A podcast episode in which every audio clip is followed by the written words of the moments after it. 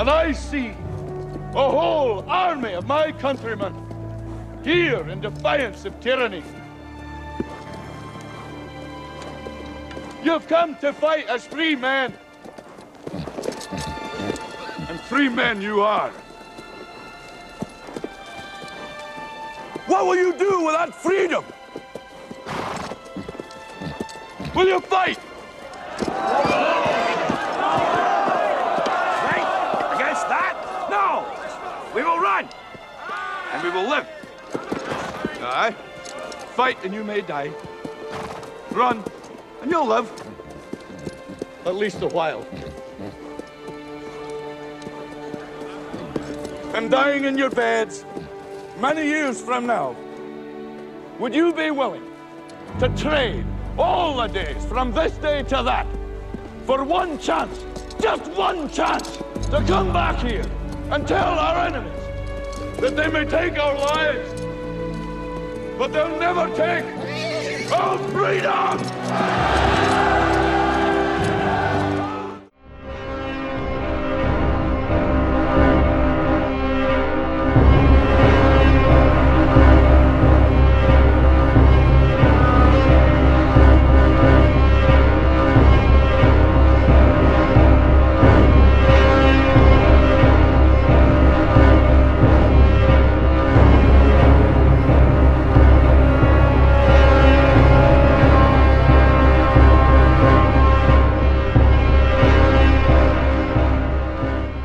När de första amerikanska skeppen dök upp utanför Japans kust 1853 fann man ett land helt fruset i tiden. Deras ankomst markerar ett slut på Sakoko. Det här är namnet på den självvalda isolationen från utländskt inflytande som japanerna lyckades hålla i hela nio generationer. I nio generationer var traditionen det som band samman det japanska samhället. Och en av de första sakerna amerikanerna upptäckte när de landsteg på Japan i detta mystiska, stängda land från allt västerländskt inflytande det var inte intressanta hårfrisyrer, att man åt med pinnar eller att man hade kimono på sig. Det var den totala avsaknaden av moderna handeldvapen. För hemma i USA så kunde man se barn så unga som fem år kunna ladda en klassisk amerikansk eh, revolver av Colt-märket. Och skjutvapen hade gjort en revolutionering i hela det västerländska samhället några hundra år innan. Det var helt enkelt ofattbart för vita västerlänningar att se människor så kulturellt högstående inte bära vapen på det sättet som de själv bar vapen. Däremot insåg man ganska snabbt att japanerna var mästare på något annat än musköter eller revolvrar. Man var ett folk, mästare i svärdkonsten. Men vad de amerikanska sjömännen aldrig kunde föreställa sig någonsin, inte ens i fantasin, var att eh, även långt innan Amerikas förenta stater ens var en stat överhuvudtaget, eller flera i det här fallet, faktiskt producerade något, något av världens mest effektiva handeldvapen och kanoner. Men det var också någonting som man mystiskt hade glömt och blev senare förbjudet genom kungliga dekret från den högste kejsaren och deras krigararistokrati, samurajerna, de valde att eh, vara kendo trogna. Kendo, svärdets väg. Och varför det blev så är osäkert rent historiskt. Men en hypotes är att trots eh, handeldvapnets eh, effektivitet, handeldvapnets eh, förråning av kriget, av striden, av kampen gjorde det helt enkelt omöjligt för denna krigarklass att upprätthålla vad man då kallade ordning eller makt. Det passade helt enkelt inte i en kultur byggd på ära och nobilitet att eh, sänka sig till skjutvapen. Så det japanska folket och den japanska kulturen villigt eller motvilligt valde att helt enkelt glömma av skjutvapen. Det finns ingenting mer i historien som förtäljer varför japanerna valde att glömma bort. Mer än ett ord. Teppo. Det var det som en lokal eh, bonde skrek när han såg de amerikanska sjömännen landstiga. Och om det sägs att eh, de japanska samurajerna följde svärdets väg, då tänker jag på Europa, på dina och mina förfäder och jag tänker tillbaka på de gamla grekerna. För där japanerna och samurajerna följde svärdets väg så följde Europas försvarare sköldens väg. För oavsett svärdets väg eller sköldens väg så det speglar ett sätt på hur vi europeer, arvtagare till denna jord, hur vi faktiskt såg på krigföring och för japanerna lika så. De bar mer än sina vapen. De bar även en idé och idealen om de folk och de kulturerna som helt enkelt hade skapat dem och skapat moralen och hur man helt enkelt engagerar sig i, i och på slagfältet. Oavsett om man läser eh, Homeros första epos, Iliaden, eller tittar på eh, Hollywoodfilmen Troja med Brad Pitt i, i huvudrollen så är det lite lite faktiskt som kan eh, återspegla att de här vad, vad den moderna världen vill få oss att tro att det är några semi-barbariska krigarkungar som inte slåss för någonting annat än ära och berömmelse på slagfältet och vinna sitt namn in i evigheten. Som eventuellt och framledes skulle morfas. De skulle förvandlas till någonting som skulle bli sofistikerade medborgare i de grekiska stadsstaterna längre fram och lägga grunden för den europeiska filosofin och hela den antika världen. Och även om Homeros skrev sina verk och levde på 800-talet före Kristus i, den, i denna era av döende hjältar och myter så var det även en hel del som kan liknas vid, vid dagens värld och dagens samhälle. Det var en kulturell revolution på väg. En kulturell revolution, absolut, men inte på det sättet som du och jag tänker oss. Det här var inte den kinesiska kulturrevolutionen där man brände allt från de gamla kejserliga dynastierna. Det här var inte transbögar och eh, annat avskrädes intåg. Det här var inte 1968 års idéers långa marsch genom institutionerna. Utan det här var en annan kulturell revolution med stor stor påverkan och den spred sig, likt alla kulturella revolutioner gör, som vild eld.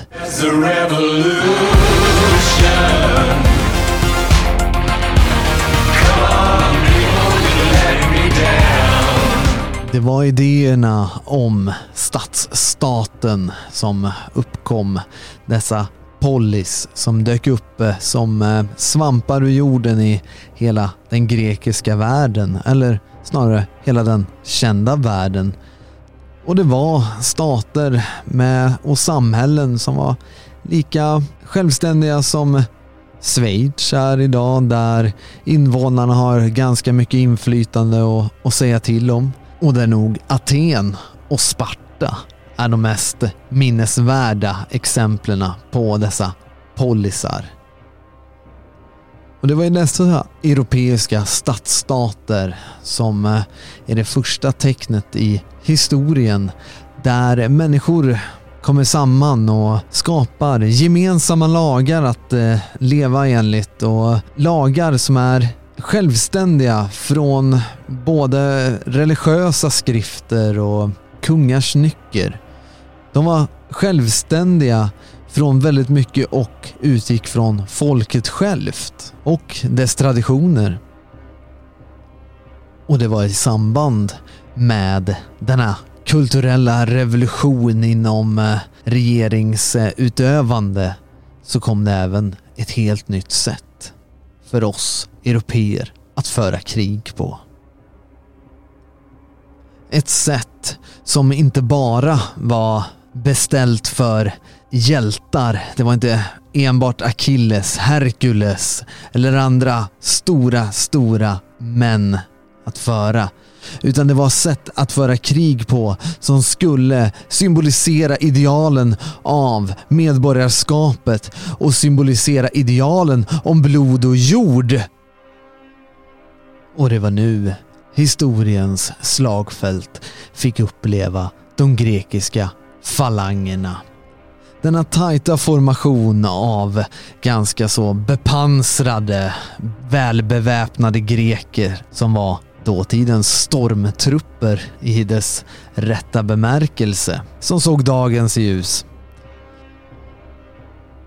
Och man använde kraften av vad grekerna kallar otismos, eller rättare sagt man knuffar med, eh, med skölden så pass hårt att eh, fiendens linjer helt enkelt bryter samman och man är ogenomtränglig.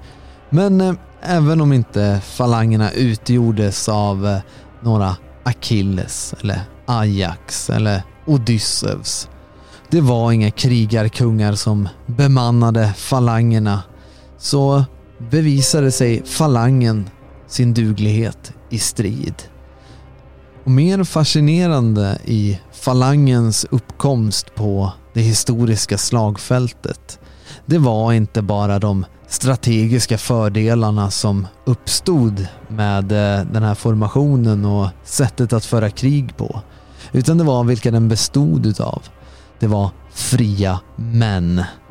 Det var fria män som frivilligt hade engagerat sig i försvaret, eller attackerandet, men försvarandet av sin stadsstat, sitt hem och härd det var fria män som hörsammade kallet att ta upp vapen och bära den stora skölden. Och inte bara att det var fria män som eh, utgjorde falangen utan man bekostade även sin egen utrustning med egna ekonomiska medel. Och man var visserligen en vanlig människa vid sidan av i sitt civila liv. Men man höll kroppen i trim och eh, tränade väldigt hårt efter sitt eh, dagsverke. Och det var inte helt ovanligt för fria greker att eh, samlas när, eh, under fredstid och utkämpa olika former av kampsporter i palestran. Allt för att kunna försvara sin egen frihet. Och det här är sättet att föra strid på. Där fria europeer samlar sig för att bem liksom bemöta en, eh, en fiende som hotar deras hem och deras personliga och gemensamma frihet. Visar sig krossa sina motståndare på slagfältet.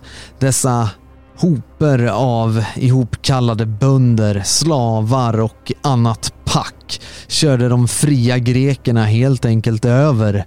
För man hade inte bara gudarna på sin sida utan även rätten och träningen i bagaget. Och eh, Falangen utvecklades till att bli den eh, mest fascinerande militära maskinen som eh, världen då hade skådat. Ett oerhört effektivt vapen. Så pass effektivt att eh, de fria grekerna kunde hålla perserna stången både en, två och tre gånger och dessutom ge en liten revansch i form av Alexander den store när han tog sina falanger och marscherade och erövrade hela Asien och fick perserriket på fall. Det var falangen som utkämpade de hårda striderna vid Thermopyle och de 300 spartanerna med Leonidas i spetsen offrade sitt liv för friheten och för Europa. Det var friheten som motiverade grekerna att ta upp skölden och spjutet, kränga på sig hjälmen, stå fast vid passet vid Thermopyle. Det var friheten som eh, motiverade atenarna och alla andra greker för den delen att eh, brutalt slakta perserna vid slaget vid Maraton och det var friheten som gjorde att budbäraren orkade springa de här fyra milen och vi idag har maratonlopp. Den grekiska falangen av fria män höll ut mot ett imperium som eh, omfamnade hela den kända och okända världen vid det här laget.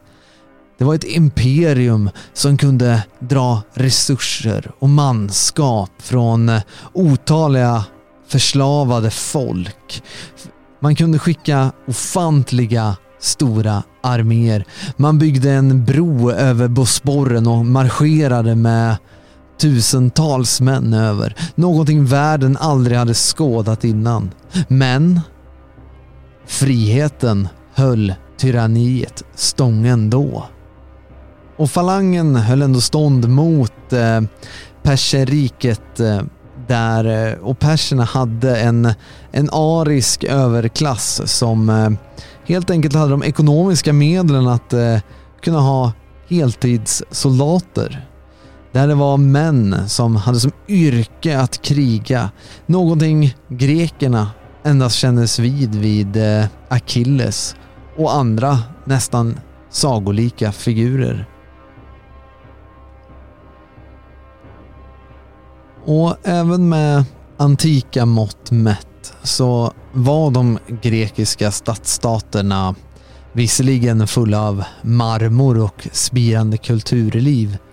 Men ekonomiskt så var det inte lika guld och gröna skogar som Hollywoodfilmerna vill få oss att tro. Så när perserna hotade så kunde man bara ta det material som man hade att tillgå för att försvara sig de själva.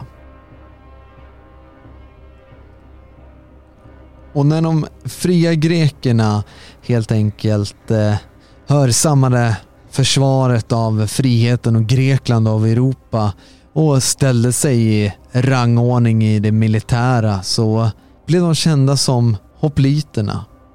De blev hopliter, ett ord som eh, fortfarande är välkänt idag och kommer från ordet Hoplon som helt enkelt betyder vapen, rustning.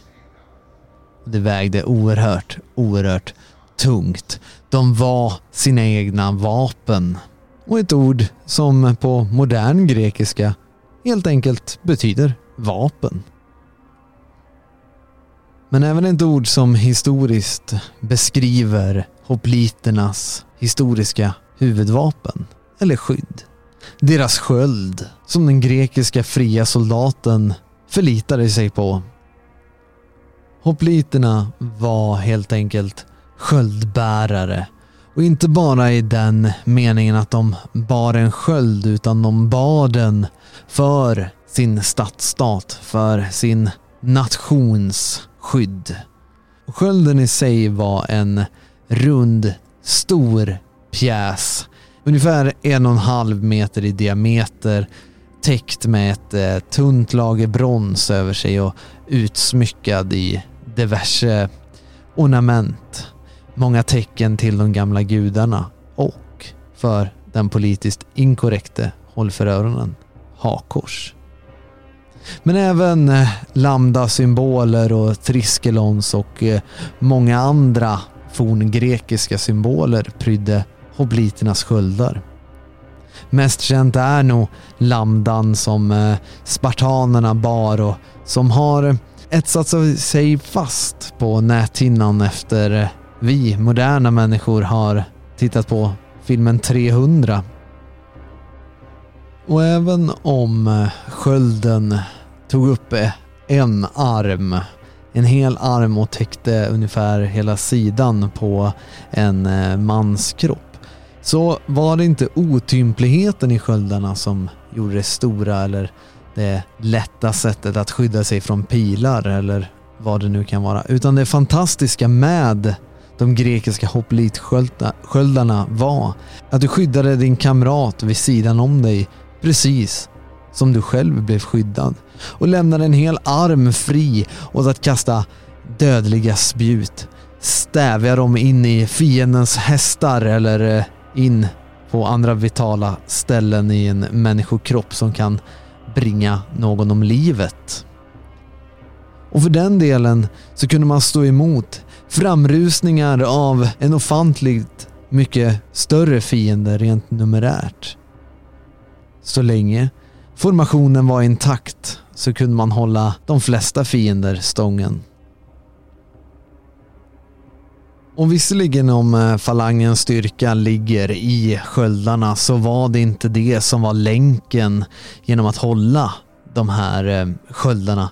Länken soldaterna emellan var att de hade ett gemensamt ideal och man var försvarare av sina egna hem och sina egna friheter. De själva var sina egna vapen och skyddades av sin näste. De var en hel kedja, både fysiskt och andligt. En kedja av tillit till din kamrat du hade vid sidan om dig. Förfölj en så kunde det bli högst problematiskt.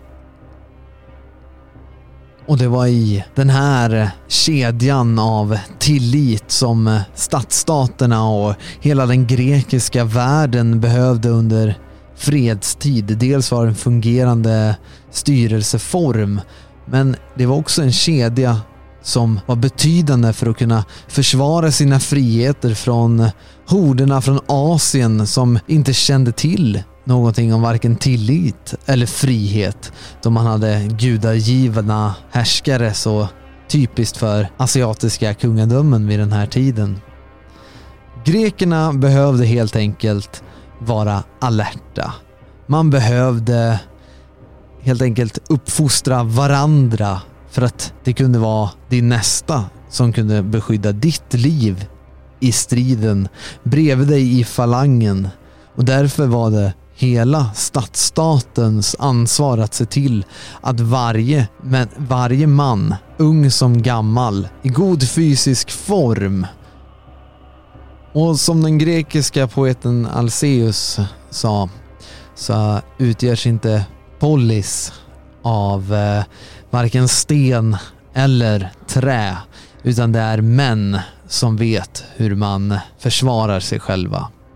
Och som vi alla säkerligen känner till så eh, innehade de grekiska stadsstaterna en hel del slavar, kvinnor och barn som inte åtnjöt denna frihet som de vuxna männen. Exempelvis i Aten så denna demokratins vagga så exkluderades ganska så kraftigt slavar hade ingen rösträtt. Kvinnor hade ingen rösträtt. Ändå så var det de här majoritetsdelarna ur befolkningen som åtnjöt en väldigt, väldigt stor frihet under den här tiden. För det var endast fria vuxna män som begärdes att utgöra en eh, del av falangen. Det var endast fria vuxna greker som gjorde dåtidens militärtjänst och det var endast fria vuxna greker som dog och blödde, skadade sig för staden och på längre sikt hela Europa. Slavarna satt där i stadens trygga vrå. Och det faktum att eh, det enbart var fria män som eh, kunde inkallas vid en händelse av krig. Så var det aldrig någonting som ifrågasattes. Innanför murarna till de grekiska stadsstaterna så ifrågasattes aldrig idén om att eh, de fria männen hade ett ansvar att försvara hem och härd det ifrågasattes inte ens av dåtidens radikaler. Det var helt enkelt en eh, självklarhet. Då som nu. Det är som Thomas Jefferson sa att frihetens träd måste tid efter annan förfriskas med patrioters och tyranners blod. Det är enbart fria män som kan försvara friheten. Och det sägs att eh, Sokrates, han själv har eh, smädat, hånat och eh, nästan misshandlat eh, människor som inte har varit i fysisk form nog att försvara staten när den har kallat. Så som han själv har gjort i ett flertal slag. Och även om de grekiska falangerna och stadsstaterna historiskt sett är, var ganska kortlivna så är de ett bevis på att står man sida vid sida och är uttryck för samma ideal och samma idé där folk och stat glider samman så kan man uppnå någonting som, eh, någonting som eh, kan på riktigt sägas vara jämställdhet. Inte en jämlikhet på eh, så kallade könsnormer, inte en jämlikhet om eh, inkomst eller hur du bor eller något annat egentligen oväsentligt. Utan en jämlikhet, att du är din nästas like för att ni försvarar ert gemensamma, det allmänna. Ni är jämlika i kampen för folk och stat. Där råder en jämlikhet mellan de som bär vapen och försvarar friheten. En jämlikhet som eh, kanske motsäger det jag sa i början om de eh, hjältarna i Homeros eh, epos Iliaden och Odysseen. Men det visar även att ekot från hjältarna hade fullföljt sitt syfte Hjälteidealet var inte enbart för någon enskild krigarkung på någon liten ö som ledde sina myrmidoner på till andra sidan Egeiska havet. Utan idealet om den sanne hjälten hade spritt sig till folkdjupet och gjorde att det fanns en Achilles hos varje medborgare i staten. Achilles frihetsideal kunde således delas av alla i falangen där man stod som jämlika mot denna ansiktslösa massa från Asien som ville kuva den fria viljan och den fria europeen. En massa som bestod av bönder och slavar och icke-fria män. Någonting som inte var ett eh, vidare högt ideal varken för Homeros eller gemene antik grek. Och det var inom falangen hos hopliterna som denna jämlikhetssträvan kunde kanske nå i min mening en renare form än allt vad jämlikhet står för idag. Och det är ett eh, historiskt exempel på någonting som vi inte har sett innan. Men någonting som har funnits där slumrande i form av indoeuropeiska männerbund till eh, grekiska hopliter till eh, romerska legioner. Den här kamratandan som fanns utvidgades till en hel stat. Och det är inte för inte som det fanns en stat i Centraleuropa i början på 1900-talet som tittade på både Aten och Sparta som de första Völkersstaterna.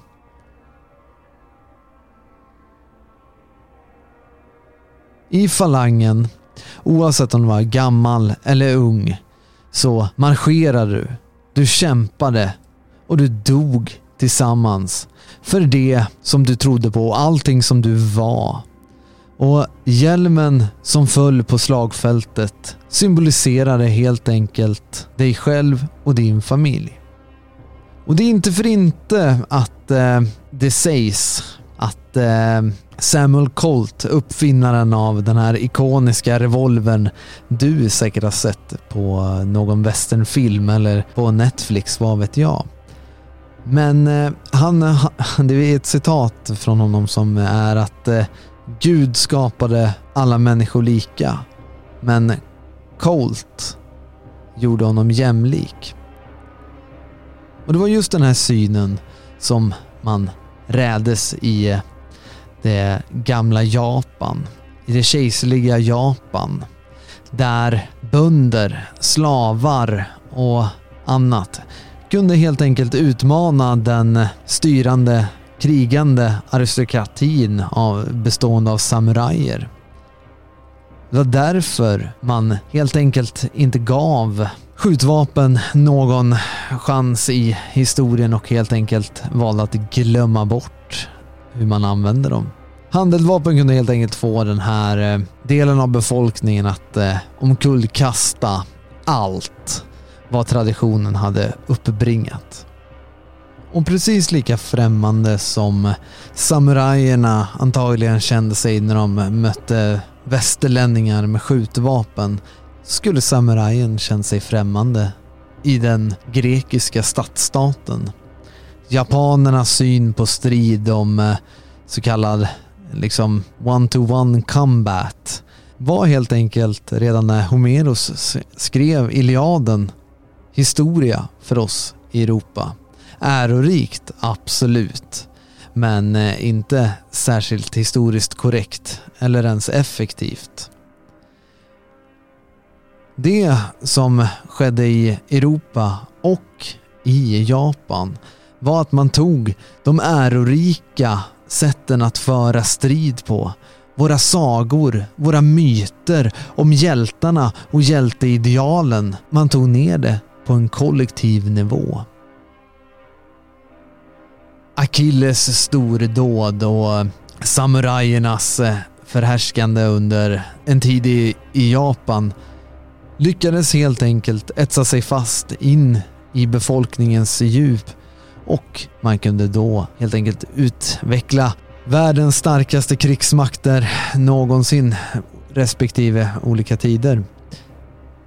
I Europa så gav eh, falangen en försmak av vad Europa skulle kunna frambringa på slagfältet. Som jag nämnde innan, hur Alexander den store tog och effektiviserade hela den grekiska krigsmaskinen och eh, vände den mot Asiens öknar och eh, traskade bort ända till Indusdalen och grekerna etablerade sig ända långt bort i Baktrien och helt enkelt återknöt till eh, det fornariska som Persien en gång hade legat under och som nu låg i spillror i, i närmast vad vi kan räkna som ett eh, modernt mångkulturellt samhälle. Persien var på den antika världen det mångrasliga samhället som vi ser idag. Med en härskande elit av eh, såväl utvalda som eh, icke utvalda. Även om det finns en hel del intressanta eh, inslag i, i Persien så råder det inga tvivel på att även om en styrande klass inom det persiska samhället var av eh, indoeuropeisk stam, arisk stam, så eh, styrelsesubjekt icke indoeuropeer. Och helt enkelt främmande för de fria grekerna att eh, skåda när de kom marscherande över Bosporen eller i skeppen vid Salamis.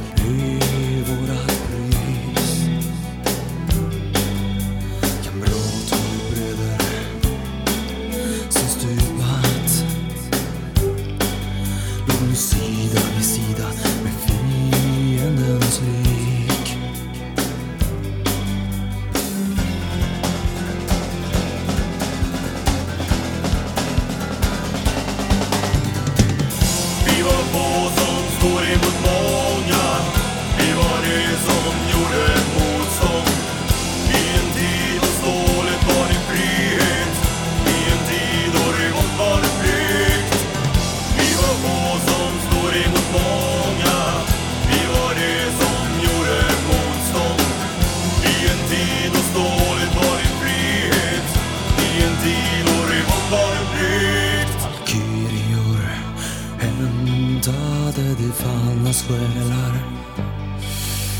Och ledde dem Rymmer frost.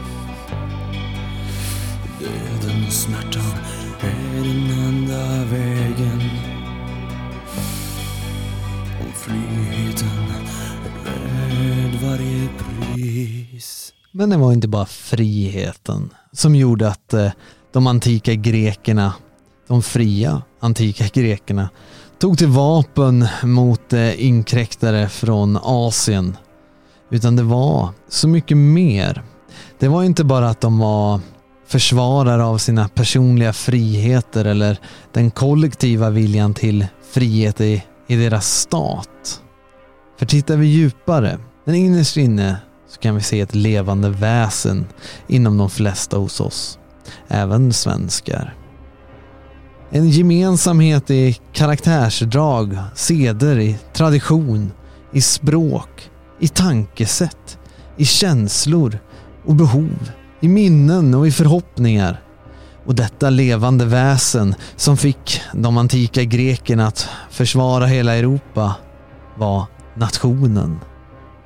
Nationen är den personlighet som äger alla de, men också endast de, egenskaper som är för dess barn gemensamma. För att citera den svenske statsmannen Rudolf Kjellén. Och den enskilda svenska individen har en mångfald av yttre och inre egenskaper. Men när flera svenskar, precis som de anti antika grekerna, kommer samman så finns det oss emellan ganska stora olikheter på ett individuellt plan. Men samtidigt så uppstår en hel del gemensamheter i drag och i tycken. Dessa delas mer eller mindre av alla som ser sig som en del av helheten. Det delas exempelvis av alla oss som anser sig vara svenskar. Och ju större delar av ett folk man, man tittar på så blir den här gemensamhetsfonden allt klarare. Och det är nog en ganska hemlig process inom varje livskraftig nation som äger rum som det är samstämmiga tankar och känslor hopsummeras medan de rent individuella och personliga egenskaperna de avskiljer sig som grenar och kvistar från löv från den här stammen. Så slutligen framstår hela nationen som en levande typ. Väsensskild från sina söner. Men dock så omfattar den det hela. Nationen har alltid färre egenskaper än den enskilde medborgaren eller individen. Den kan även ha en hel del andra egenskaper. För oavsett om vi befinner oss i Sverige 2021 eller i det antika Grekland 300-talet före Kristus eller 600-talet före Kristus så bär inte varje medborgare, eller svensk för den delen, fosterlandet lika djupt i sitt bröst. Och jag ser inga konstigheter att se grekiska stadsstater eller det kejserliga Japan eller Sverige för den delen. Som en personlighet i historien. Nationen är en personlighet och då måste den ju även ha ett medvetet ändamål med sitt, med sitt liv bortom den här flyktiga stunden som vi kallar för nutid. Nationen är visserligen en högre person än individen och då måste nationens mål vara av ett annat slag än individen. Och ska vi jämföra med individerna, med eh, oss själva. Vad är vår privatas tillvaros egentliga mening och mål? Vad var målet för de grekiska hopliternas liv egentligen? Och jag tror då, liksom nu, vi liksom dem, så var det vår lägre natur som viskade hela tiden att det, det är lyckan. Däremot vår ande, liksom deras, pekar på någonting annat. Mot en ständig personlighetsförbättring och en fullkomning av hela livet. Och jag tror nog att vi alla kommer svara olika på den frågan.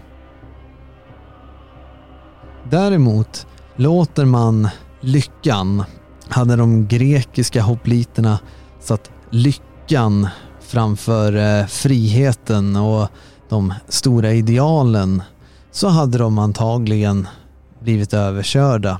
För bygger man hela samhällen på att eh, öka den privata lyckan hos människan och då blir det automatiskt att du tilltalar det lägsta inom oss. Och det kommer leda till att vi ständigt jagar materiellt välstånd för allt annat. Och därmed så blir nationen förnedrad till en tjänare åt ögonblicket och nutiden och för de enskilda individerna och våra lägre svaga instinkter.